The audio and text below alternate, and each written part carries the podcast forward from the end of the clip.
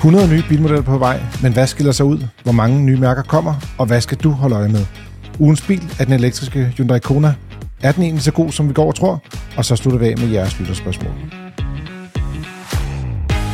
Velkommen til Frigær, din podcast om biler og livet som bilist. Mit navn det er Carsten Mejland Lemke, og jeg er testkører her i FDM, og med mig i studiet har jeg i dag. Yasser Habaiti, tekniker i FDM's rådgivning. Og Dennis Lange, chefkonsulent i vores økonomisk-politiske sekretariat. Som jo i sidste uge sagde noget i retning af, at vi nok får lidt problemer, nu vi kommer til at sige noget, og nu bytter jeg rundt på ordene Apple og Google, der hedder Hej Apple, men bare med et andet navn. Hvorefter, øh, det var der nogle af jer, der lige blev ramt af i jeres biler, og vi beklager selvfølgelig øh, her på, på bagkant. Øh, så, men der er også Jeg, nogle andre... jeg, jeg sagde det jo. Du sagde det. Jamen, du har jo altid ret. Det må Lad, lad, os, lad os, øh, som øh, en lytter opfordrer os til, eller lad os se, om vi kan leve op til det, og aldrig gøre det igen. Ja, vi forsøger. Men der er også nogle andre ting, som går og generer folk ud i trafikken. Og øh, vil du starte med det, Dennis? Ja, yeah, det kan det sagtens. Øh, det er nok ikke gået nogens opmærksomhed forbi, øh, men øh, vi har haft vinter, øh, og hvad værre er i den sammenhæng, så har det også øh, i en eller anden udstrækning ødelagt vejene derude, som vi alle sammen kører rundt på. Der kom mange øh, frostsprængninger og dermed huller ude i vejene. Øh, og der, hvor jeg kører, i hvert fald også nogle øh, ret store og ret dybe huller, hister her. Øhm, og det er der selvfølgelig en, en, altså en perlerække af problemer med. Et af problemerne er jo selvfølgelig, hvis man nu rent faktisk uforvarende kommer til at køre i sådan et hul, og får øh, skadebilen på en eller anden måde. Fordi hvad gør man ligesom ved det? Øh, der har vi inde på vores hjemmeside, fdm.dk, en øh, artikel, der beskriver, jamen, hvad er det egentlig, han har sagt, hvad kan du i forhold til at søge erstatning fra kommunen, eller pokker nu måtte være, hvad skal der til, og så videre, og så videre. Jeg vil sige, den meget korte version, for jeg synes, hvis man står i situationen, så skal man gå ind og læse artiklen, øh, og lige få det helt øh, øh, præcist øh, øh, øh oplyst, hvis man kan sige det sådan. Øh, men først og fremmest handler det jo om, hvorvidt at kommunen rent faktisk er ansvarlig, eller det, der hedder, har handlet ansvarspådragende.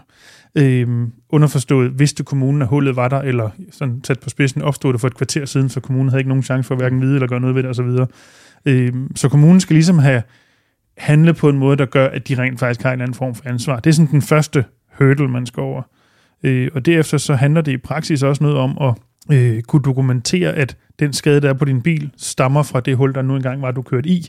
Øh, og i den kontekst er det for eksempel en rigtig god idé at dokumentere både skaden selvfølgelig, men også hullet. Altså tage billeder af det, og gerne også med en eller anden form for, om det så skal være en tommestok eller en sko, eller hvad pokker være, men noget, som man kan se størrelsen af hullet rent faktisk. Øhm, øh, og så er det jo så, hvis man ligesom når så langt, hvis man kan sige det sådan, jamen så er det jo, det er jo vejmyndigheden, man i givet fald skal søge erstatning fra, det vil sige oftest kommunerne, og så har vi selvfølgelig lige statsvejene, hvor det er vejdirektoratet, øh, og så er der vel nogle enkelte få tilfælde, hvor det vil være Sund og Bælt, tror jeg nok, hvis nu det er på en af de store broer, øh, for eksempel. Men øh, ja, øh, igen, jeg synes, man skal gå ind og læse det, hvis man har været så uheldig og øh, for eksempel smadre en fælde på et hul, øh, hvilket kan være umådeligt irriterende. Øh, men ja, det er der godt beskrevet på vores hjemmeside, hvad man kan og hvad man ikke kan. Jeg synes godt nok, der har været mange steder, og det har også været en, en tid med meget frost og meget vand, mm. Øh, som er øh, skal man sige, kombinationen af vand og efterfølgende meget frost, og det som der Har ikke mindst, De at det har været, det har været frost, og så har det været tø, og så har det været frost. Ikke? Altså, Præcis, det, det, det gør det absolut ikke bedre. nærmest ikke kunne komme nogen steder, og lå over det hele, og blev til is. Og, Ja, der er også, det der er problemet, det er jo, der trækker en lille smule fugt ned i asfalten. For, hvis der er en mikroskopisk ravne, for eksempel. Så det fryser til is, så udvider det sig, og så skyder der noget asfalt af. mm. Hvis så det bliver tøvejr lige efter igen, så trænger der jo så lidt mere vand i, og så fryser det en gang til, så bliver du, får du mere skudt af, og så videre. Så, så det, Men Det- der er det kan ikke- det kan ikke undgås, dybe men det er huller, ikke? Altså, hvis nogle steder har det måske været 10 cm dybe. ja, altså, ja, ja, eller, eller mere. Der Eller er nogle mere. alvorlige huller derude, helt sikkert. Kan man ikke også sige, at man, i hvert fald hvis det er det kommunale veje, så er det ofte sådan, at de har sådan en giv et præg-funktion, enten som en app eller en hjemmeside, man kan gå ind og, og ligesom at dokumentere jo. det med et Jo. billede. Eller, Mm. Der synes jeg, det kunne være en god idé at, at sige, jamen lad os gøre noget for hinanden, og så husk at dokumentere det i dit område, så at kommunen rent faktisk får besked om det. Mm. Ja. Fordi det er jo den måde, vi kan ligesom få øh, udbedret de her øh, fejl, så det er, at vi kan køre mere sikkert rundt. Ja, og Vejdirektoratet har faktisk nøjagtigt den samme øh, øh, app, men som du så kan bruge på statsvejene. Hvis nu det er på motorvejen, skal du ikke stoppe op for at tage et billede ud midt i øh, anden spor eller et eller andet, eller overhovedet, men, men du kan stadig pinpointe, at her der er der et, et issue. Så man, når man ser et krater på 10 km, så skal man lige... Jamen, jamen seriøst, der er nogle steder, der bliver du nødt til næsten at køre zigzag for at undgå at køre ned i et hul. Mm, ja. Altså, det er jo helt vildt, hvor det er, at det, altså, så er det i højre side, der er et kæmpe hul, øh, så er det i venstre hjulspor, der er et kæmpe hul, Mm. mm. og, og du, du kan ikke sådan bare sådan gå lidt ud til den ene side, fordi så rammer du bare et fjerde hul. Mm. Øh, Men jeg tænker, altså, der, der, der må der også være nogen, øh, der arbejder i en given kommune, øh, altså nogle af de her, der rydder vejene med salt og så videre. Altså, jeg tænker, at de måske også har set nogle af de her huller. Det, nogle af dem er, altså, det er sindssygt, hvor, hvor store de er. Mm. Øhm, Jo. Og, og jeg, er- jeg er også den type, der kører meget forsigtigt over øh, vejbump og så videre, men, men her, altså, nogle gange, så kan du slet ikke gøre noget. Altså, Mm, nej, nej, du skal præcis. ned i dem. De kan jo heller ikke reparere dem i øjeblikket, når det er, vi er i den situation, hvor det er, det er både, øh, skal man sige, at der kommer vand, og så frost igen, og vand og frost. Som jeg har forstået det, så har de svært ved at reparere asfalten i den periode. Ja, og man kan sige, i hvert fald også i den periode, vi har haft, altså hvor der decideret ligger is sådan i ovenpå, så er det i hvert fald også svært at gøre noget ved. Mm, præcis. Øhm, så, ja. Ja. Så væbn jer med tålmodighed, have øjnene åbne, kig på vejen, og giv din kommune eller statsvejene et præg. Præcis. Jeg har en øh, nyhed med fra Ford. Det er ikke så ofte, uh. vi har det. Hvad er det? Er det et bilmærke? Ja. øh, Ford Kuga, øh, dansker darling plug-in hybrid, øh, får øh, en ny chance, øh, som vores kollega skriver i, i vores overskrift. Den er blevet faceliftet, øh, og hvis du spørger mig, så, øh, så har det været en, en, en okay øh, skønhedsoperation, øh, bilen har været øh, igennem. Jeg synes også, den øh, var begyndt at se, se lidt gammeldag, lidt bedaget ud. Så det har ikke gjort noget, at, at den har fået et, et lille facelift. Så kan man sige, at er den blevet fantastisk smuk? Ikke nødvendigvis. Det er blevet lidt bedre. Er det ikke, altså jeg kan godt Det se, at der er sket noget, men, men det, moderne. det er lidt variation over samme tema på en eller anden. Vi er i den, i den diskrete ende, både før og efter. Ja. Ja. Øhm, på- øh, altså, fortsætter der sket meget, synes jeg. Bag til, not so much. Ikke så meget. Nej. Men det er stadigvæk sådan en, hvor du, sådan, du ved, sådan skriger, når den kommer kørende, her kommer jeg se mit øh, design. Vi er i den sådan, jamen, Ja. det er også en bil, der er den tredje mest solgte i Danmark Ja, ja, i 2023, Ja, så ja. det ville være mærkeligt, hvis den skulle være utræet. Utræet. Ja og nej, fordi hvis, nu vi, hvis vi absolut skal, dengang jeg var barn, sådan cirka, den første generation Mondeo, som solgte pænt, 1993, sikkert, da den første facelift, jeg kan ikke huske, om der var to, første facelift, den kom, 97. der skete der vanvittigt meget. Den solgte også meget efter det, men, men der gik man virkelig radikalt til værks. Altså den oprindelige var jo sådan meget sådan, jeg vil lige vil sige, øh, sæbeformet, altså der Mm. var, øh, og så fik den jo det der lidt, øh, jeg tror det blev kaldt det Dame Etna-briller-agtig front. Der, der skete virkelig noget. Så de kan godt nogle gange gå amok. Ja, men det var ikke noget, der gjorde noget godt for den bil. Jo, det synes jeg gjorde meget godt for Jeg synes virkelig, det gjorde meget godt for den. Men ja, det understreger også lidt pointen, tror jeg. Hvis vi er uenige, så, så tror jeg, jeg vil sige, jeg holder på den. Men jeg Nå. synes faktisk her, det, altså, det, synes, det er ret pænt. Ja, så. Ja, jeg synes, det, det, jeg, synes, det er vel, jeg synes, det er vellykket. Altså, øh, øh, men jeg er enig med Dennis. Altså, det er jo ikke en ny bil, men, men, men det, har, det klæder den, øh, at, at den øh, får et, et, et lille facelift. Øhm, inde i bilen er der også sket noget. Øh, man er gået op i, i en 13-tommer skærm øh, i bilen, øh, og det, den får øh, Fords seneste infotainment-system, øh, der hedder Sync 4, og med mulighed for, for 5G-opkobling. Og så kan man sige, der er også sket noget på tekniksiden. Der er kommet en ny øh, transmission efter sine, øh, og der er øh, lidt flere hestekræfter. Og det betyder også, at øh, der er skåret lidt af 0-100-tiden, men øh, det er ikke så vigtigt. Hvad der er vigtigere er, at, øh, at bilen har mulighed for at, at trække et, et påhængskøretøj på op til 2100 kilo. Og det gør, at, øh, at bilen bliver meget populær, for vi har faktisk nogle øh, medlemmer, som, som har et meget højt øh, trækbehov. Det kan være heste eller, eller noget i den dur. Campingvognen? Ja, ja øh, men, men jeg synes, der er, det er typisk dem, der har... Altså, det er ikke alle campingvogne, der nødvendigvis er oppe i, i den her klasse, men, men især dem hestefolket, de, mm. øh, de, de søger sådan noget som det her. Ikke? Og det synes jeg også er, er fint, at, at vi også kan få noget til dem. På den elektriske rækkevidde er der ikke sket så meget. Altså, vi har ikke fået et større batteri, men øhm, den, den har fået nogle flere kræfter. Og så er der kommet nogle nye farver også, og det, det er også altid rart, at, at man kan få noget mere at vælge imellem. Jeg synes faktisk, den, synes, det er okay. Den samlede pakke er okay. Så mangler vi bare, at, øh, at vi får noget vigtigt med, og det er garanti på mere end to år. Det er ikke kommet på endnu. Hvad siger du? Det er ikke en del af faceliftet.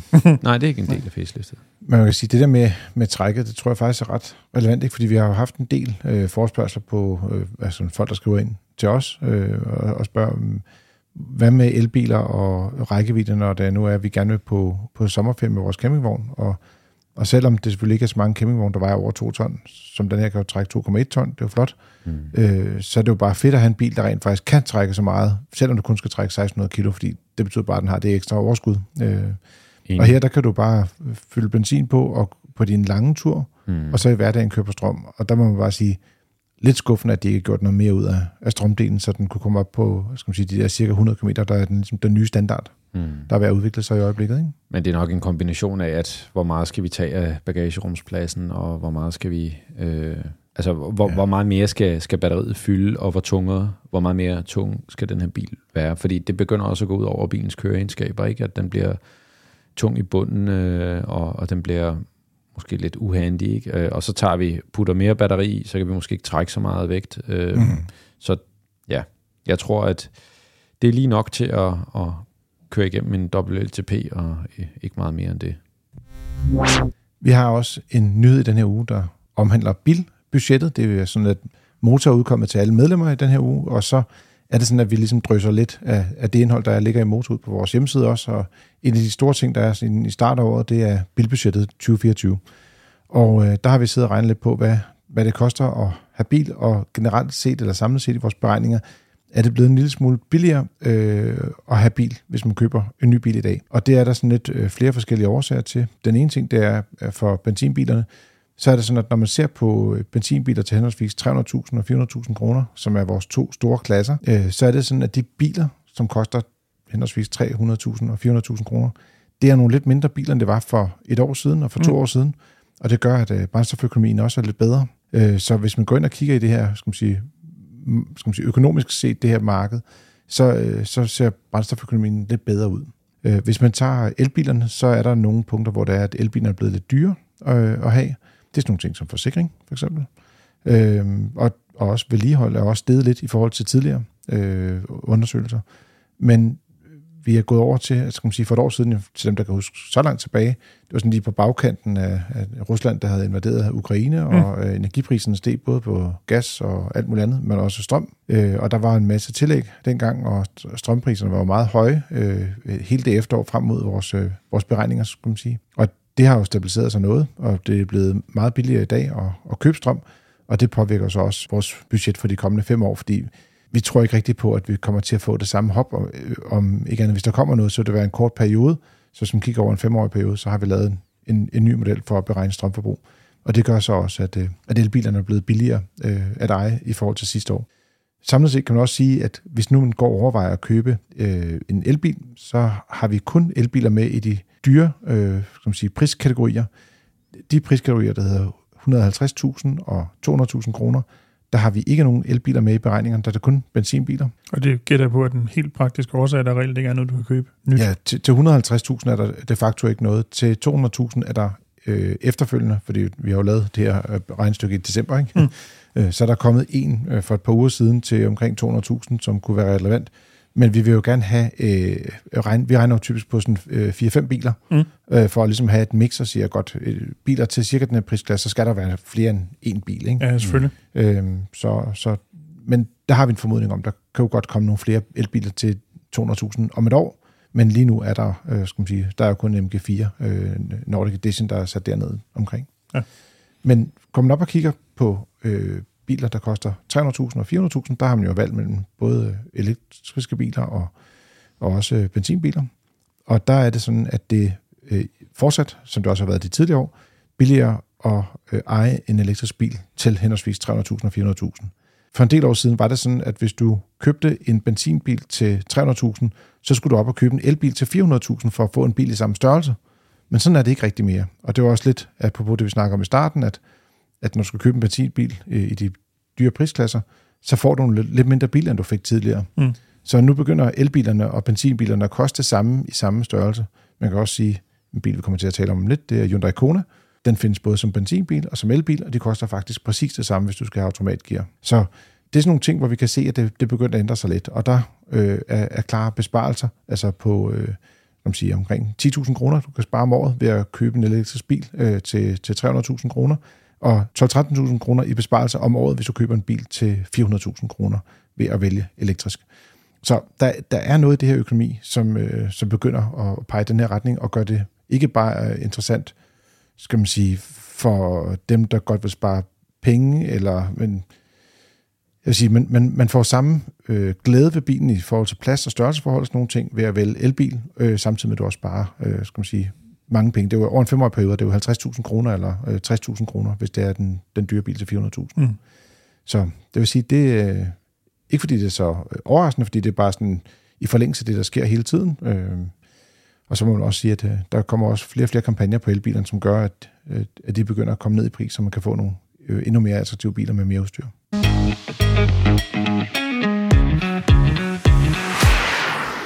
Nu er det tid til at tale om de biler, der kommer i 2024, fordi vores kollega Torben Arndt, han har været igennem hele møllen, skulle til at sige, talt med alle de bilimportører, vi har nu, og også kigget på, hvilke bilmærker, skråstrej modeller, der kommer til Danmark, som slet ikke har en bilimportør nu.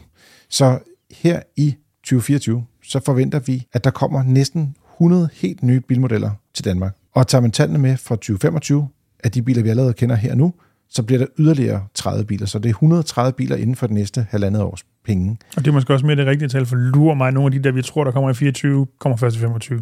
Altså i, i sidste halvår 24 er der nok en, en eller to modeller, der bliver lidt forsinket. Det skal nok ske. Ja, det og, jeg. øh, og så, Men det er stadig mange, uanset hvad, det er slet ikke det. Jeg synes, det er det samme, vi ender med hvert år. Man kan sige, det, det, der er altid nogen, der lige bliver skubbet til sidst. Ja, ja. Man kan sige, i forhold til tidligere år, så er det det år, hvor der har været flest nylanceringer, skal man sige, for, forventet Mm. inden for øh, vores kalenderår 2024. Ja. Det er sådan, at elbilerne de gjorde, udgjorde cirka 36 procent af salget øh, sidste år. Men hvis man ser på de nyheder, der kommer fra i år, så står de for to tredjedel faktisk. Så der er ikke nogen tvivl om, at det er på elbilerne, at de nye modeller kommer. Og når man ser på de biler, vi kender til, der skal komme i, i 25, så er det stort set alle sammen. Det er 95 procent. Så det er rigtig, rigtig mange. Mm. Så får vi også nogle øh, nye bilmærker til Danmark. Øh, vi, skal, vi har tidligere talt om Sears, der kommer. Vi har også talt om Sika, for eksempel. Mm. Mm. De er jo ikke landet endnu, men dem har vi jo talt om. Så kommer der også øh, Great Wall Motoring, eller Motors, GWM. Mm. Øh, KGM, som jeg faktisk ikke ved, hvad står for. Og så Lucid, som er det amerikanske mærke. Og så Omoda, som sagt, bilmærker, vi kommer tilbage til senere. Ja. Det er sådan, at der i vores oversigt faktisk er 56 bilmærker på. Og det er jo fuldstændig vanvittigt. Det er mange. Mm. Det er rigtig, rigtig mange. Nå, men hvis du går ind på FDM.dk, så kan du se oversigten derinde. Hvis du er medlem af FDM og modtager motor, så kan du læse det i dit motor, som udkom her i den her uge. Men for ligesom at grave lidt ned i nogle af bilerne, så har vi øh, valgt et par biler ud, som vi synes øh, kunne være spændende hver især. Mm. Og øh, ja, så vil du starte? Ja, det vil jeg gerne. Øhm, jeg vil starte øh, med en benzinbil. Mm-hmm. Ja. Jeg vil starte med øh, Audi A6 2024-model. Okay. Og det er fordi, jeg synes, at Audi A6 har altid været en flot bil. Alle Audi A6-modeller fra A6 blev introduceret af flotte. Det er en forholdsvis kategorisk udtalelse. Og, og det er lige meget, om det er en øh, stationcar eller ikke en stationcar. De, Og, og hvad de, Dennis synes. Ja, fuldstændig Jo, det er jo Det er ligegyldigt for, hvad jeg så synes jo. Det er fuldstændig øh, ligegyldigt, hvad Dennis synes, når det er mig, der, der har talt tid. Selvfølgelig. Nej, Nej jeg, jeg synes bare, at, at hver gang, at Audi de, øh, laver en, øh, en A6'er, så synes jeg faktisk, altså, det er selvfølgelig et, et øh, hvad kan man sige, konservativt øh, Mm. design, men jeg synes bare, altså, den oser bare af, af, en, af en bil, som er velbygget og eksklusiv. Og det, det tiltaler mig. Jeg synes, det, jeg synes altid, de har været fine biler, de her. Og så kommer der også en elektrisk variant, hvis man drømmer om det. Yes. Øh, Har du også noget osende, en osende nyhed med? Jamen, Hvis jeg har, vi starter den øh, ende af skalaen. jamen, det har jeg. Øh, Jeg har faktisk også taget en, øh, en enkelt benzinbil med. Øh, Der er jo ikke så, som du også lidt pointerede, så mange at vælge imellem. Men, Mm. men jeg fandt en, som jeg helt oprigtigt også synes bliver ret interessant at se. Og det er virkelig den anden ende af skalaen. Øh, øh, ret præcis nærmest der til. Øh, Dacia Duster, som jo kommer i en øh, øh, spritny øh, generation, og som i hvert fald på billeder indtil videre ser vanvittigt fed ud. Øh, det, der jo så bliver det spændende, som jo næsten altid har været med, med nye Data Duster, det er et, hvordan er den inde i, når man sådan rent faktisk sætter sig ind i den følelsen bil, eller, eller har vi steppet op, og så er det næste måske endnu vigtigere, hvordan klarer den sig lige, når den skal køre ind i en mur? Øh, det har jo også været sådan lidt, Øh, det har ikke været den værste Dacia historisk set, men der er et, et, et eller andet issue der. Men i hvert fald indtil videre, jeg vil sige, det der er, er vi ved, hvordan den skal se ud, og også til dels i hvert fald nogle gætværk af priser osv., så, videre, så synes jeg, det ser interessant ud. Men øhm, ja, lad os nu se. Det er gode toner. Den, den havde jeg faktisk også på min liste. Også Mm. fordi, at øh, jeg synes, det er interessant. Det siger nemlig, at de har fået styr på sikkerheden. Og Ja. det bliver spændende at se, om de rent faktisk har fået op på det. Ja. Men jeg bliver nødt til at vælge noget, øh, noget andet så. Ja, Øh, det så jeg har også taget Suzuki Swift med, hvor det er, at øh, fjerde generation bliver præsenteret her i april-maj. Og det vil sige, folk, der går ud og skal købe en billig minibil, Mm. Der kommer der øh, skal man sige, endnu et øh, Suzuki slagtilbud til dig. Og øh, Swiften har altid været en, øh, en ret interessant bil, og også en bil, som mange danskere har været glade for. Så er jeg den sådan tænker, i det bliver perioder været en stor sælger? Mm-hmm. Ja, jamen, det har den. Øh, skal vi sige, da den kom frem der i 2015, fem må der have været i Danmark, ikke? I foråret fem. Det passer Det meget godt. Ja. Så, men jeg vil sige, det var øh, rigtig interessant. Øh, så, øh, men også, jeg synes også, den øh, bliver meget spændende, også fordi den kører forfærdeligt, som den er nu og har været hidtil. Så hvis den nu også kører godt, så bliver det jo også en interessant bil. Ja. Nå, men øh, hvis vi også skal kigge på nogle af de her øh, elektriske biler, som, som jeg synes øh, potentielt kunne være interessante, så, øh, så har jeg valgt øh, øh, en øh, Kia EV3, Mm. som øh, Mhm. vi skal have nogle, øh, nogle, nogle lidt mindre biler. Det, det kan jeg godt lide. Jeg håber lidt også, at, øh, at vi får noget, noget, noget, noget andet batteriteknologi, og det behøver ikke at være så meget ydelse og så videre. Der håber jeg lidt, at vi, at vi får sådan en helt almindelig elbil, som ikke nødvendigvis er verdens hurtigste eller, eller noget, men som bare fungerer øh, og med en lang garanti. Så det glæder jeg mig til at se. Jeg synes, designet er flot på den også, øh, Bestemt. øh, i forhold til de her mugshots, der er. ikke. Øh, nu må vi se, hvordan de, de leverer, men Han har, ja, om ikke andet, som Altså, konceptbil, vist i hvert fald. Ja. Som, som fysisk et eller andet er den vist. Ja, lige Ja. præcis. Og det, og det er dem, jeg, jeg refererer til. Ikke? Så må vi se, om, om de så også kan levere på det. Jeg synes lige på den bliver det også interessant, hvordan at den kommer til at placere sig ind, ikke mindst prismæssigt i forhold til Kia, og hvad hedder det nu om dagen, Nio EV, Mm. som jo de kommer til at ligge og, og, og konkurrere størrelsesmæssigt lidt med hinanden, så nogenlunde... Øhm, ikke bare, Nio EV udgår. Det vil være tidligt også, vidt ikke? I forhold til, den næsten lige er kommet. Det er rigtigt, men sådan er det nogle Men gange. det kan også være, at den ene bliver, altså Nio bliver placeret som den lidt mere, hvad skal vi sige, øh, øh, skal vi sige konservativ, og så Mm. øh, bliver den anden måske den lidt mere øh, øh, utrerede sportslige, også prismæssigt, hvad ved jeg. Mm. Men det Øhm, kunne sagtens være. Det, det, det bliver svært for dem at prissætte i hvert fald. Ja, Men jamen, det tænker jeg. den kan ikke komme... øh, Altså, den kan ikke komme over 350.000. Det kan den ikke. Ej, ikke hvis, den skal, Slet ikke. ikke. ikke hvis den skal sælges i hvert fald. Nej. Øh, skal jeg finde en elbil frem også? Altså, jeg har flere at tage af, så det er ikke så svært. Mm. Ford Explorer? Nu snakker vi om Kugaen lidt tidligere. Øh, det er jo nærmest vist til samme bortset fra, at det er en fuldstændig elbil, og så er det jo så i virkeligheden en uh, Volkswagen ID4 med øh, anden indpakning. Mm.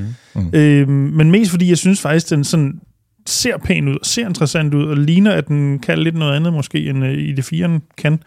Øh, det springende punkt bliver også lidt her noget pris, og ikke mindst, om de kan levere osv., men, men jeg synes, det virker til indtil videre måske at blive et bedre bud, end øh, øh, øh, Mustang Mach-E har været, i forhold til at være sådan en helt støbt og fornuftig og til at betale Mm. elbil fra Ford. Ja.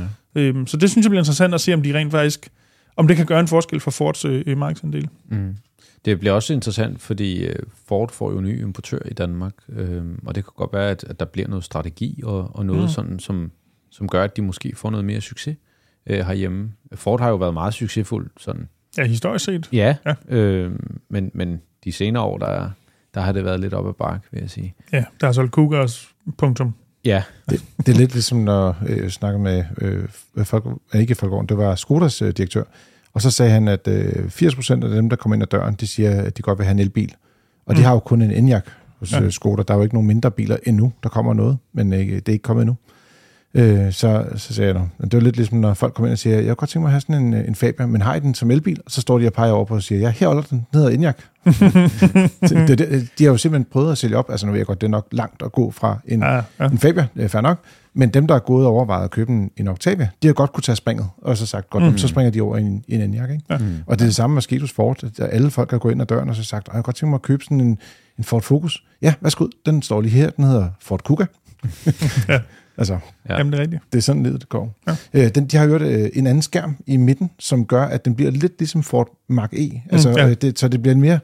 Øh, Stør- den, større og lodret skærm. større lodret skærm i forhold til det, som man har hos øh, Folkevogn-koncernen Ja. øh, koncernen Ja. i hvert fald. Men Så, stadigvæk øh, knappen i døren, hvis du skal tænke dig at rulle bagruden ned, så skal du lige trykke en ekstra gang. ja, det har været lidt billigere at bare købe det fra Folkevogn lige der. Åbenbart, ja. Jeg har, øh, skal man sige, hvis man, så, så tager den, den helt oplagte øh, Volvo EX30. Mm. Den lander jo lige øh, her omkring nu øh, i Danmark. Den har jeg Øh, næsten ligesom en 20-23 mil bevidsthed, men det ved jeg godt, det er det ikke, når man så Nej, lige, den er ikke kommet endnu. Den er ikke fysisk. kommet endnu, fysisk. Den, er, den, den kommer lige nu her, øh, og ja, øh, vi går lige lidt og venter på, at den, øh, den bliver frigivet til test, øh, desværre. Den er blevet lidt for forsinket. Der er nogle, øh, nogle software-ting, de går og bøvler lidt med. Men øh, den glæder jeg mig helt vildt meget til at se, også fordi der er så mange, der er interesseret i at købe den. Mm. Og vi kan også se, at øh, på vores øh, skal man sige, nyhedsartikler og øh, videoer osv., at der er rigtig meget interesse omkring den, lige præcis den model. Øh, så det gør jo bare, at det er også spændende at se, når det er, at, øh, skal man sige, at der er nogen, der begynder at snoppe lidt nedad. Ikke fordi, at Volvo har været sådan et luksusmærke, men de har ligget sådan op af premiummærkerne fra Tyskland, mm. sådan lænet sig lidt op af det og sagt, vi vil også være lidt premium, Men med den her bil, der går det jo bare ind og bliver helt mainstream, og, mm. og skal man sige, ja, fra 275.000 kroner og op efter, ikke? og 310, 20, 30.000 for de varianter, som man gerne vil købe. Mm. Ja. Så det er spændende. Ja. Ikke helt småt, men lidt derhen af i hvert fald. Ja. Og som, øh, som, som, som side interessant, så øh, når det bliver 24, den så kommer som den her øh, lovede cross-country version, der sådan er lidt mere hvad hedder sådan noget rå og øh, øh, offroad-agtig at se på. Altså mit bud det primært bliver øh, altså plastikpaneler og nogle andre fælger, og ikke noget sådan reelt, men på billedet ser det meget cool ud i den version. Den kan noget. Ja. Så vil jeg, øh, så vil jeg sætte øh, den, den smukkeste bil ind, som den sidste her. øh, i, Jeg er meget spændt på, Ja, det vi har det hedder samme. også. ja, det er Polestar 4. Nå, okay. Ej, Ja, okay. Nå. Hvorfor? hvad, sk- hvad skete der der? Jeg, jeg, jeg tror, det da den, vi snakker om den sidst, tror jeg nok, at jeg pointerede i min optik, så er det den mindst vellykkede Polestar. Okay. Ikke, at den er grim, men, Nej, okay. Ja. men du må gerne kunne lide den. Ja, Altså. ja, jeg synes, den er fed. Det er, jeg synes, jeg synes den er... Det er stadig den uden bagrude, ikke? Ja, lige Godt. præcis. Og Men, jeg men jeg faktisk synes, så sent som i, er her i eftermiddag, eller øh, øh, tidligere i dag, inden vi optog, fået en mail fra Polestar om, at nu kommer firen. Ja, apropos. ja, ja. Ja. Øhm, jeg ved også, at der er nogle, noget, noget virvar derude med, med nogle banker, som har, har sagt, at deres øh, øh, valuation, altså øh, værdien En, er... en bank er det vist, men Ja. ja. bevares. Ja, og, og det kan jo godt skabe noget røre, øhm, men øhm, design, det kan de. Absolut. Mm. Absolut. Dennis, skal vi så se, om vi kan ramme øh, plet på den sidste også? Ja, Det jeg altså problemet er jo, at jeg har faktisk to endnu, men jeg ved godt, det er fordi, jeg har taget flere, end jeg Jamen, jeg har burde. også taget to ekstra. øh, så hvis, uanset hvad du vælger, så har en reserve. Godt så. Øhm, Går du billigt, eller går du dyrt? men faktisk hverken eller. Nå, okay, så har vi ikke de For samme de biler. to, jeg har tilbage, er sådan, uden jeg lige kender nøjagtig pris med begge to, men, men jævnt prissat, tror jeg, jeg vil kalde det, øh, og ikke i, i den dyre ende. 700-800.000. Ah, nej, nej, nej. øh, den dyre af dem, nu kommer jeg til at sige, nævne begge to alligevel. Den dyre af dem, hvis vi kan kalde det, øh, Renault Scenic. Mm-hmm. Den øh, lidt større øh, el-Renault, som rent faktisk måske kan have en familie i modsætning til, øh, til Megane E-Tech. Øh, jeg synes, det er super cool ud. Prisen kommer til at være meget afgørende for, om den her bil får succes, ikke mindst efter at Tesla sidst, sidst har sat prisen ned en gang til. Mm-hmm. Øh, jeg og synes- Skoda. I den Også her det, uge ja, har de sænket prisen mange andre. for, mellem 20 og 110.000. Jeg synes, jeg har læst mig til indledende rygter om, at Scenichen skulle komme til 380. Øhm, det håber jeg, de får revideret en lille smule ned, for ellers så bliver det svært. Det bliver, ikke, det bliver ikke fra prisen, det bliver lavere. Men det bliver spændende at se, hvor den lander præcist. Ja, præcis. Jeg synes, den ser super interessant ud i hvert fald. Øh, og så har den jo, ligesom de andre, eller ligesom den anden Renault, altså Megane har det her Google Automotive øh, styresystem, som grundlæggende er, er fan af, ligesom Polestar for eksempel. Der kan man sige, kører med. hej Apple, med et andet ord bagefter. Ja.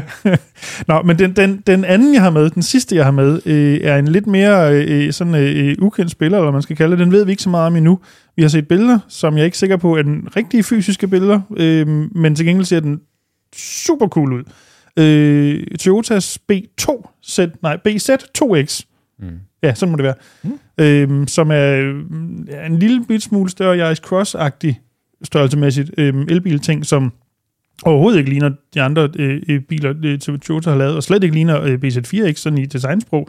Den ser meget øh, butch ud, tror jeg måske næsten, jeg vil kalde det, hvis man kan kalde det om sådan en mini-SUV-ting. Jeg synes, den ser super cool ud. Øh, og så bliver det jo så også i den sammenhæng interessant at se, om Toyota måske lykkes lidt bedre med den næste elbil, de kommer med, en BZ4X, som jo havde lidt nogle udfordringer til at starte med i hvert fald. Så øh, jeg synes, den ser super cool ud. Ja, det, det er spændende, også fordi, at skal man sige, øh, lige her, hvis det er, man ligesom holder sig til Toyotas Mm. mm. øh, mærkeværksteder og er tro mod dem, så er de også tro mod dig, og så har du rent faktisk mulighed for at have øh, skal man sige, en holdbarhedsgaranti, som der minder om fabriksgarantien, der går helt op til bilen er 10 år gammel. Altså, Ja, præcis. Så du kan få lidt øh, tryghed og sikkerhed i det. Ja. Nej, øh, den jeg havde, eller ja, okay, så havde jeg også to til sidst.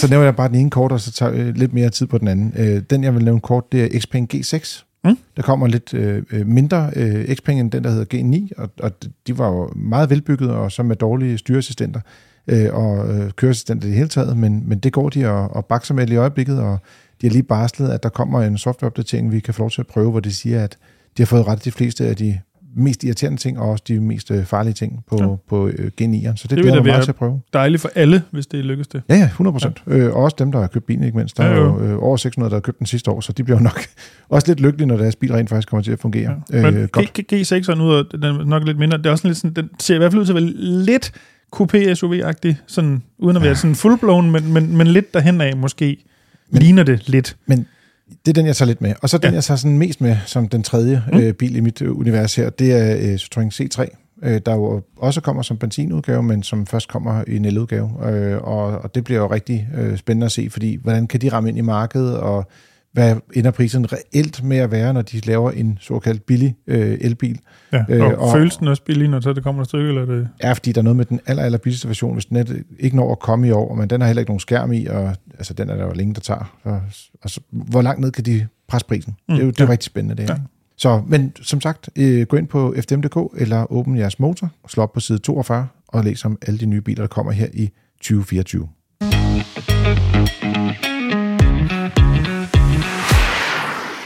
Nu er det tid til at tale biler. Ej, det har vi slet ikke gjort i dag. Nå, godt. Ja, det er godt, vi når dertil så. Ja, præcis. Denne uges bil er Hyundai Kona Electric. Vi har haft den til test, øh, som barsler lidt tidligere i vores udsendelse her. Det er en variant, der koster pt. 350.000 kroner. Jeg tænker, de bliver nødt til at røve den pris på et tidspunkt. Fordi, Ja, fordi fordi... de har ikke rykket på prisen endnu, vel? Ikke siden september i hvert fald. Nej. Så jeg vil sige, det, det er sådan en, hvor man sådan tænker, nu er der så mange andre biler, der begynder at være attraktive i, i det her prisleje. Øh, blandt andet øh, Skoda har jo lige sænket priserne på deres billigste Enyaq øh, med, med 60 kWh batteri, og en større bil til lige præcis 350.000 kroner også. Nå, det er den jo lidt ramt af, den her øh, kære Kona. Men øh, det Konaen så til gengæld kan, det er, at de lover en WLTP-rækkevidde på 513 km. Vi har været ude at køre motorvejstest med den, og har opnået det, der svarer til 390 km på ved 20 grader. Og det er stadigvæk de her kon- relativt konstante 110. Ja, altså Ja. vi kører op til 110, og så kan det jo være, at der kommer en bil ud foran en, eller en Ja, lastbil, ja. eller... Der er jo lidt trafik, så jeg tror, at gennemsnitsfarten ligger typisk omkring sådan noget mellem 95 og 100. Det, Mm. det vil være den normale øh, gennemsnitsfart. Men, men du kan sige, man kører op til 110, det man må ud på en motorvej. Ja. Og øh, det synes jeg faktisk er en, en rigtig, rigtig flot øh, rækkevidde. Den er cirka 15 km længere, end den er for søstermodellen øh, Nio EV. Øh, og det viser jo også bare, øh, at det stadigvæk er en, en rigtig effektiv bil, den her. Mm. Øh, ligesom forgængeren også var. Mm. Det, som jeg synes, der er det mest interessante ved bilen, det er, at den jo er vokset markant i forhold til den tidligere generation af Hyundai Kona. Vi har talt om den før, også årets brugtbil 2023, Mm. øh, hvor den både fandtes i en elektrisk og en benzinudgave, men eludgaven der, den, den var jo lidt hæmmet af, at bag- bagsædet ikke er verdens største, og at bagagerummet heller ikke er verdens største. Mm. Og her i den nye generation, jamen der er lige pludselig kommet rigtig god plads på bagsædet, og øh, Vi er vel nærmest en klasse over, er vi ikke? jamen, Der den, er minimum en halv. Jamen, den er i det, vi har kaldt C-segment crossover, eller s- som svarer til Nissan Qashqai Ja, ja, i, i gamle dage, ikke? Ja. Jo. Pladsforholdene. Så, øh, og måske endda en lille smule bedre end nogle generationer Qashqai, hvis man skal sige på den Mm. måde. Så jeg synes faktisk, den er blevet rigtig stor og familievenlig, og hvor før der var den måske lidt mere, skal man sige, ældrevenlig, eller unge mennesker uden børn venlig. Og øh, så kan den kun trække 750 kilo. Det vil være et minus for dem, der har campingvogn, men for de fleste, så kan den jo trække den der havetræler, som er essentiel for mange, og, og så kan man sige, så har du fem års garanti. Mm. Ja. Jeg synes, øh, jeg synes jo bare, det er, det, det er en fin bil øh, på, på... Altså, den, den gør det hele udmærket, vil jeg sige. Øh, det er ikke den, der lader hurtigst. Til gengæld er den effektiv. Det er ikke den, der... Hvad kan man sige? Det er ikke nødvendigvis den, som folk vender sig efter. Øh, I forhold til design, det er jo selvfølgelig igen en smagssag, men jeg synes, det er en, en bil, der har rigtig mange gode dyder. Øh, og den her femårige garanti, den gør bare, at, at, at det, man ikke skal gå og have, have ondt i maven nødvendigvis.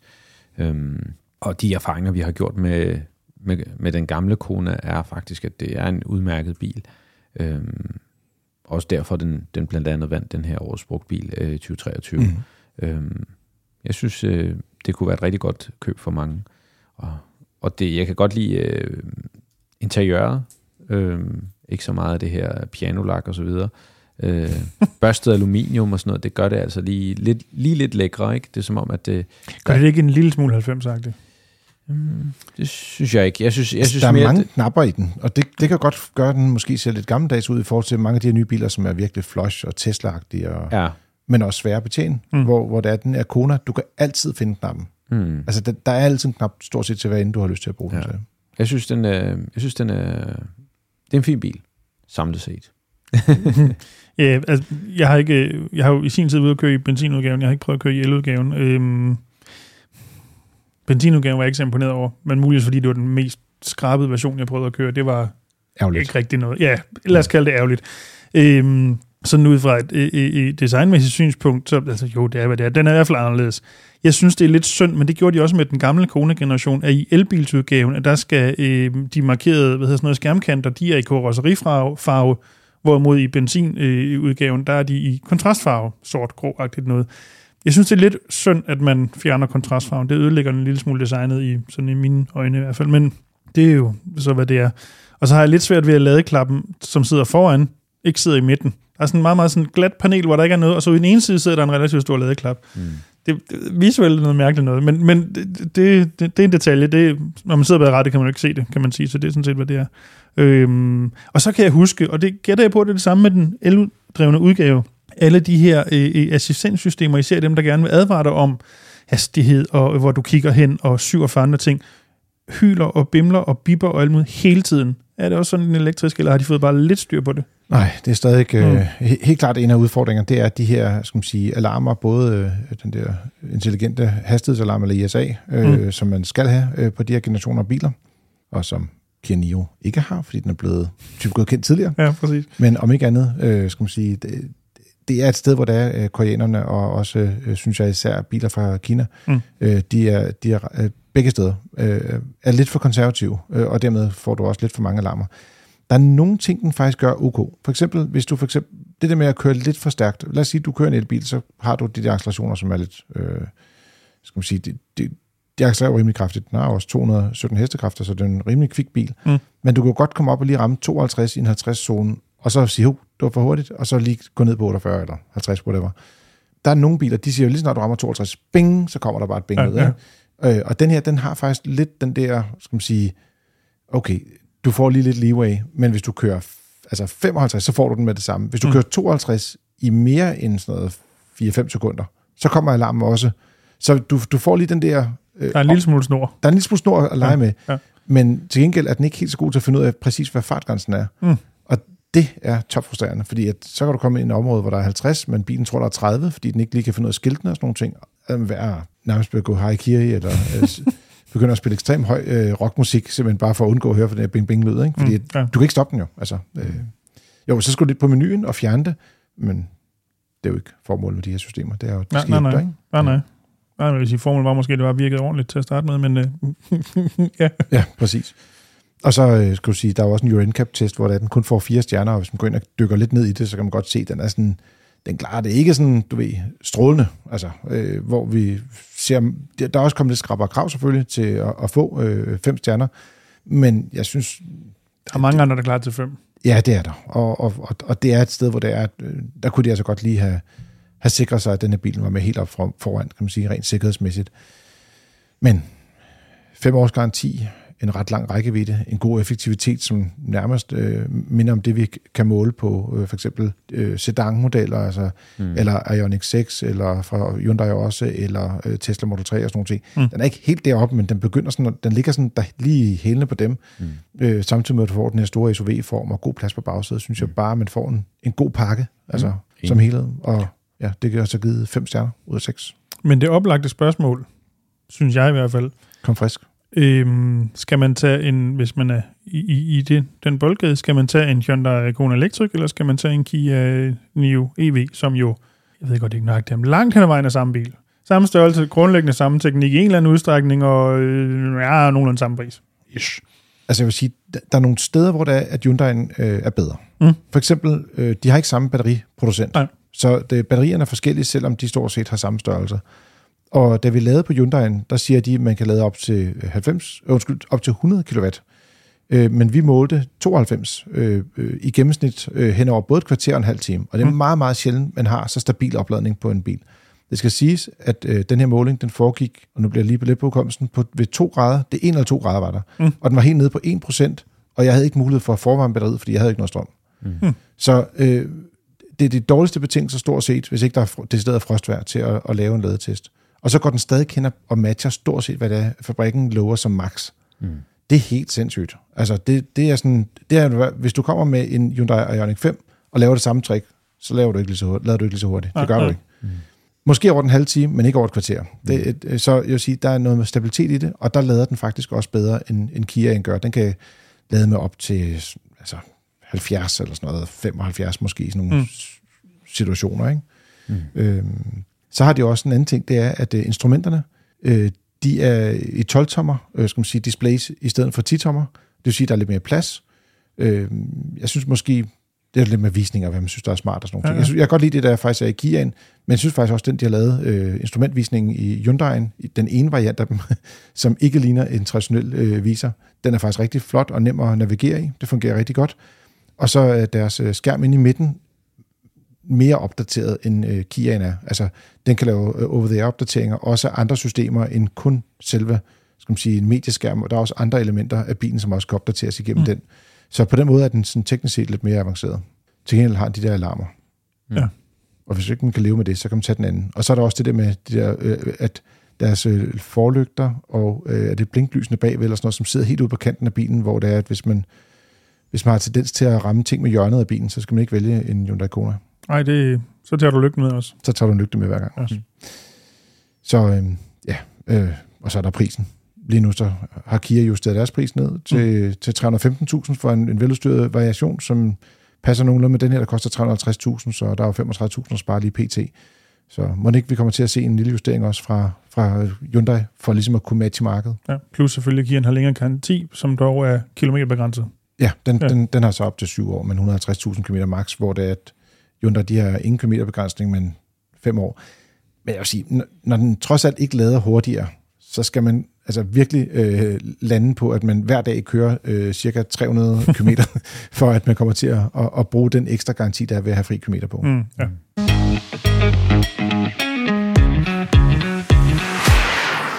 Nu er det tid til lytterspørgsmål, og dem har I heldigvis sendt mange ind af.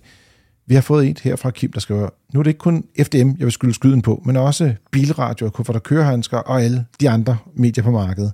Alle klapper hænderne over, at det er købers marked, og der er kæmpe prisnedsættelser på elbiler. Og det er selvfølgelig også fint nok. Men hvad med alle dem, som blev rådet af jer eksperter i slutningen af 2022-2023 om, at nu skulle man købe en elbil, hvis, fordi at de kommer i hvert fald ikke til at falde i pris. Dem snakker I ikke så meget om. Jeg har ikke en Tesla, men en Volvo XC40, hvor jeg nu må æde et stort værditab, da jeg købte den for fire måneder siden for 409.000, og nu står den til 330.000 kroner. Men for dem, der har købt Tesla inden for det sidste år, må de i den grad føle, at de er blevet kørt rundt i manesen af Tesla. Det ser ud som om, at Tesla er ligeglad med deres gamle kunder og udelukkende går efter markedsandele. Jeg tror, mange overvejer, om det er deres sidste Tesla, de har købt. Og øh, jeg synes, det er ret interessant, fordi der er jo selvfølgelig sket det, øh, at øh, da Tesla satte øh, før januar 23, mm. så steg priserne på elbiler, inden, altså alle elbiler steg. De, de steg ret markant endda også og, og Tesla steg mest. Og så satte de priserne markant ned, og så var de sådan lidt mere attraktive. Alle talte om Tesla, de blev den mest solgte bil sidste år, bla bla bla bla bla. Og så havde de sådan lidt en fornemmelse af, hvor langt ned kan de sætte priserne, og nu har de så justeret prisen yderligere ned med sådan, var det 40.000? Mm. Ja, på hukommelsen, som jeg lige husker det. Ja, 30-40.000 på de billigste modeller, og det er sådan lidt, men det solgte de faktisk også til i forvejen, hvis du mm. gik ind og kiggede på deres lagerbiler. Så den pris var egentlig allerede øh, faldet der i i slutningen af, af 23. Men det er klart, at øh, da vi sad der i, i efteråret 2022, og priserne bare øh, havde steget i halvandet år i træk på det tidspunkt, vi kiggede ind i et marked, hvor der har været krig, øh, hvor der var øh, skal man sige, problemer i forlængelse af corona, der var chipmangel, altså alt, alting blev bare dyrere, dyrere, dyrere, og vi sagde, okay, der, jeg, der var ikke nogen, der, der havde fornemmelsen af, at nu ville det vende Altså så markant, som det gjorde i Danmark især. Øh, og også så markant, som det har gjort med de øh, biler, som er kommet til Danmark med tilskud fra andre lande. Mm. Så undskyld, Kim. Men jeg tror også, at hvis du kigger på en Volvo XC40, øh, hvis du skulle have købt en dengang til omkring 410.000, så koster det jo stort set det samme i dag. Ja, de har ikke rigtig, der, det er minimalt i hvert fald, de har ikke justeret priserne. Ja, altså en ting er, at... Og så ved jeg godt, brugtmarkedet gør jo selvfølgelig, at de brugte rykker sig. Ja, men ja. det gør nok også det, der er tilfældet her. I mm. hans tilfælde, fordi ja. når han siger 330, så men, tror jeg, han tænker på, at hvis han skal kigge på den bil, han har nu, hvad koster den brugte dag? Den koster 330.000. Ja. Jeg tror faktisk også, at de 409, han købte den for, også var brugt af mit bud, for det har den vist aldrig været nede i. Nej, fordi Men, jeg synes, den står i 417 nu, og det var lavere, end det var tidligere ja, nemlig. Ja. Så. Jeg tror, han har købt den brugt, og nu kan han se, at den, hvis han skulle sælge den brugt, eller de tilsvarende brugte nu, er også ja. faldet meget, og, og det er de også på den. Mm. Ja, altså på brugtbilmarkedet er der i hvert fald sket en del. Og ja. der må vi bare sige, hvis man er landet den situation, så ja, enten så tager man øh, skal man sige, den, den sure pille, og så sluger man den, og så tager man værditabet og river plasteret af. Det gør rigtig ondt, eller så beholder man bilen lidt længere tid og kører sin lån ud stille og roligt, og så på et tidspunkt, så begynder restværdien øh, på bilen at matche det, den gæld, man så stadig har i bilen hvis han vel mærke har et, et billån på den selvfølgelig. Ja, for det må jo stadig være sådan, at, at jamen, jo længere du har bilen, jamen, jo, jo mere, man kan sige, fordeler du også værditabet ud over, og, og så bliver det ikke så alvorligt, som hvis du skilter efter bilen efter et år eller to år eller et eller andet. Altså, behold bilen måske lidt længere, så er det ikke så stort et problem. Hmm. Altså om ikke andet, så skal du ikke ud og, og ligesom at lægge differencen mellem det, mm. du har af gæld, og det bilen rent faktisk har værdi. Mm. Det, det kan være fordel. Men ja. altså, man har jo tabt pengene. Altså, ja, ja. Pengene Til gengæld den næste bil, du køber, er så også faldet i pris. Men det var faktisk lidt sjovt, fordi så øh, for, øh, hvad var det? Var det 22 eller 21? Det har været 21. Der øh, købte en af mine øh, kolleger en øh, Volkswagen ID4. Vi sad og regnede det på, om hvad, hvordan kunne det betale sig at købe sådan en bil? Ja, nej. Øh, og det var dengang, de havde sådan nogle pakker, der hed Tech. Så det var sådan head-up display og masser af udstyr og glastag, og den kunne mange ting. Mm. Og så kiggede vi lidt på den, og den kostede 430.000. Og øh, så kiggede vi på, i dag der koster sådan en ny ID4, den koster 380. Og den har også de der matrixforlygter og meget af det udstyr, som han har også i sin bil. Mm. Men den er ikke helt det samme. Så sagde vi, okay, nu tager vi en ny bil og prøver at specificere en bil, som han købte for tre år siden. Den var 10.000 kroner billigere. Mm. Det er jo ikke meget. Nej. Så det er ikke alle biler, der har lavet den der op, altså, hvor det er, man har det der kæmpe værditab på. Og det er klart, at på Teslaerne ramte hårdt, og Teslas gensatsværdier går også ind og påvirker gensalgsværdien af andre biler, fordi mm. den, den, sætter, den er med til at sætte prisen i markedet, fordi der er så mange af dem derude. Men jeg vil sige, som udgangspunkt, jeg vil ikke være sådan så bange for det, men det er klart, man bliver nok nødt til at, at indse, at når man køber biler, så er det for et ejerskab på minimum fem år. Hvis man har tænkt sig at have bilerne i kortere tid, så skal man lease i stedet for. Det er vejen frem. Man kan ikke have en bil i to år eller tre år, og så tro, at man kan købe og sælge, og at det ser rigtig fornuftigt ud. Mm. Sådan er markedet desværre ikke. Mm, ja. Men nu hvor priserne er faldet så meget, Kim, så skulle du bare købe en ny bil. de er meget billigere. Det er det, jeg siger. Det næste er jo blevet billigere også, jo. Men det, der kommer til at ske næste år, altså nu siger jeg noget, som der helt klart kommer så til at være forkert om to-tre år. Men det ser jo ud til, at der kommer en masse nye, mindre biler på markedet. Mm. Og når folk så begynder at finde ud af, at de, kan, de behøver jo ikke at købe en Tesla Model Y, eller en Volkswagen ID4, eller en Skoda Enyaq, som er de mest solgte biler. De kunne godt nøjes med måske en ID2, ikke? eller en Tesla 1, eller hvad den skal hedde, hvis mm. den skal være så lille. Mm. Altså biler, der kommer ned omkring sådan noget 200-250.000, i stedet for at skulle handle biler omkring 350-400.000. Ikke? Mm. Så det gør så også, at jeg tror, markedet kommer til at bevæge sig i den retning. Og så vil der være færre, der kigger efter de her store biler. Mm.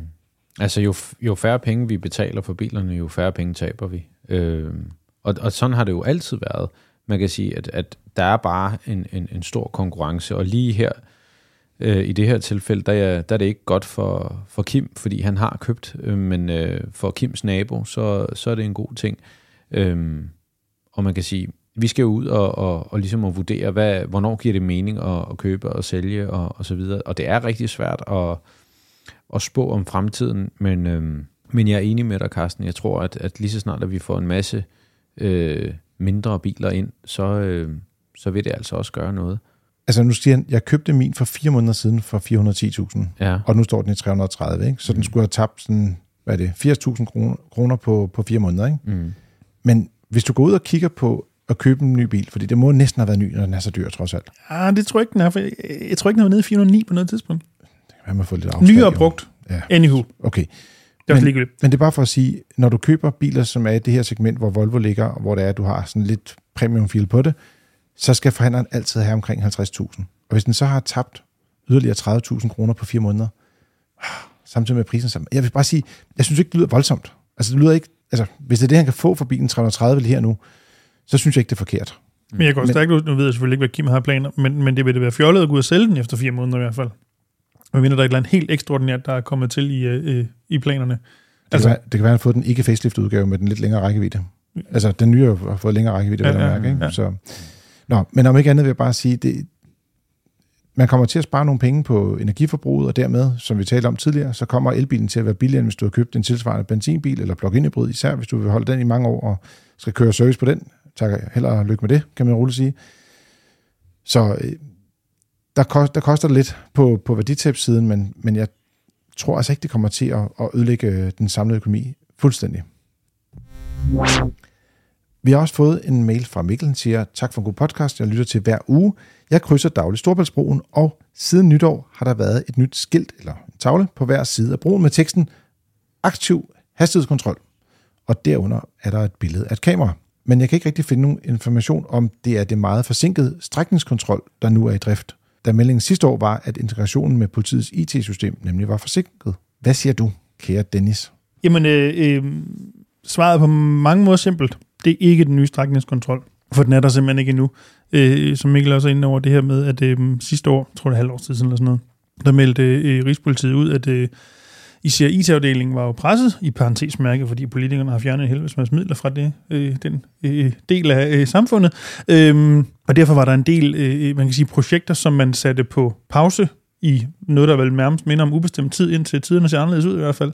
Og et af de her var nemlig strækningskontrol, altså integrationen af det over til øh, politiets IT-systemer. Og det betyder så også, at øh, øh, teknikken omkring strækningskontrol er ikke ved at blive udviklet pt, øh, og dermed heller ikke klar. Så derfor er det ikke strækningskontrol, der er kommet på, på Storvældsbroen eller andre steder. Øh, det kommer sikkert angiveligt på et eller andet tidspunkt, men vi er der ikke endnu. Der er ikke nogen, der, øh, der laver den nødvendige IT-udvikling. Det er bare spøjs, de sætter skiltet op, ikke? Jo, men det kan også være fordi, at øh, mit bud af det handler om, at de har måske set en stigende andel af folk, som hen over forbrugforbindelsen kører for stærkt, og så vil de måske øh, øge lidt, øh, de kan jo sætte en fotovogn på Sprogø for eksempel, øh, og lidt øge kontrollen, og så håber de måske, at skiltene virkelig kan få folk til at tænke sig lidt om også. Øh, det ser vi jo sådan helt øh, øh, sådan noget forskningsmæssigt. Skiltning i sig selv gør faktisk også en forskel, men det er klart, at det skal følges op af reel kontrol, og det kan jo sagtens være, at de skruer lidt op for det. 100 procent. Jeg synes nu faktisk generelt set, at folk kører pænt på Storbæltsbroen. Ja, jo, De gange, jeg har kørt, der synes jeg, det, altså, det, det er meget få. Altså, jeg, jeg plejer at holde mig ret pænt til 110, øh, og det er klart, så kommer der jo lidt nogen, der overhaler en lastbil og sådan nogle ting, så må man holde lidt igen og sådan noget, men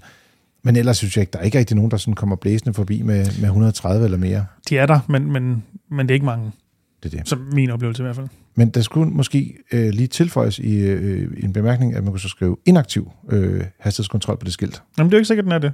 Ah, Altså, det er jo også aktiv hastighedskontrol, hvis de står ude med en laser eller holder parkeret en fotovogn og så det er faktisk rigtigt. Ja. Men de behøver egentlig ikke at skilte med det, vel? Nej, nej, nej. øh, Det, det er ikke lovkrav om det. Men øh, øh, øh, øh, alle de kloge øh, peger på, at det er en rigtig god idé at gøre det, hvis det, man rent faktisk vil opnå, er, at folk kører langsommere. Tjek. Godt. Jamen det kan være, det er derfor, folk kører så pænt. Ja, måske. Det var frigir for den gang. Lyt med igen i næste uge, hvor det er Dennis, jeg og jeg. Vi tager fat i vores indbakke og svarer på alle jeres spørgsmål. Husk, at alle artikler, vi har talt om, de er tilgængelige inde på fdm.dk, og du også skal tilmelde dig FDM's nyhedsbrev derinde. Tak fordi du lyttede med denne gang, og god tur derude.